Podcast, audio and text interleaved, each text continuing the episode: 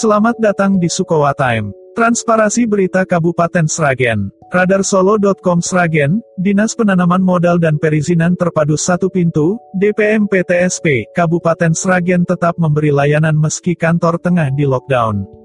Masyarakat dan investor tidak perlu resah dan khawatir. Karena layanan baik online maupun offline tetap bisa diberikan selama 10 hari ke depan.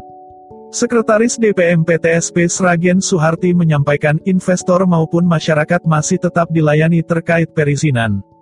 Karena meski tutup, pelayanan tetap dapat dilakukan. Kami sediakan nomor kabit, kepala bidang, sejumlah pelayanan agar tetap bisa membantu masyarakat. Jadi tidak perlu khawatir, terang Suharti, Jumat 27 per 11. Dia menyampaikan, sudah dilakukan tracing semua pegawai.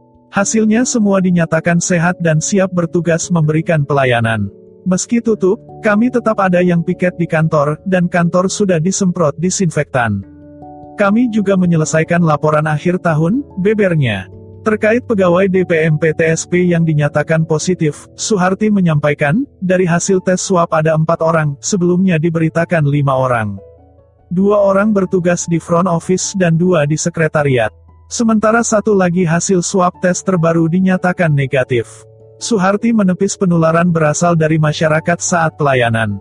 Karena selama pandemi COVID-19, kantor DPM PTSP Sragen menerapkan protokol kesehatan secara ketat.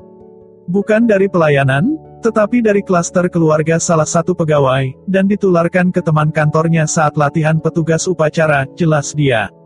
Suharti menyampaikan, saat ini satu pegawai positif dirawat di rumah sakit.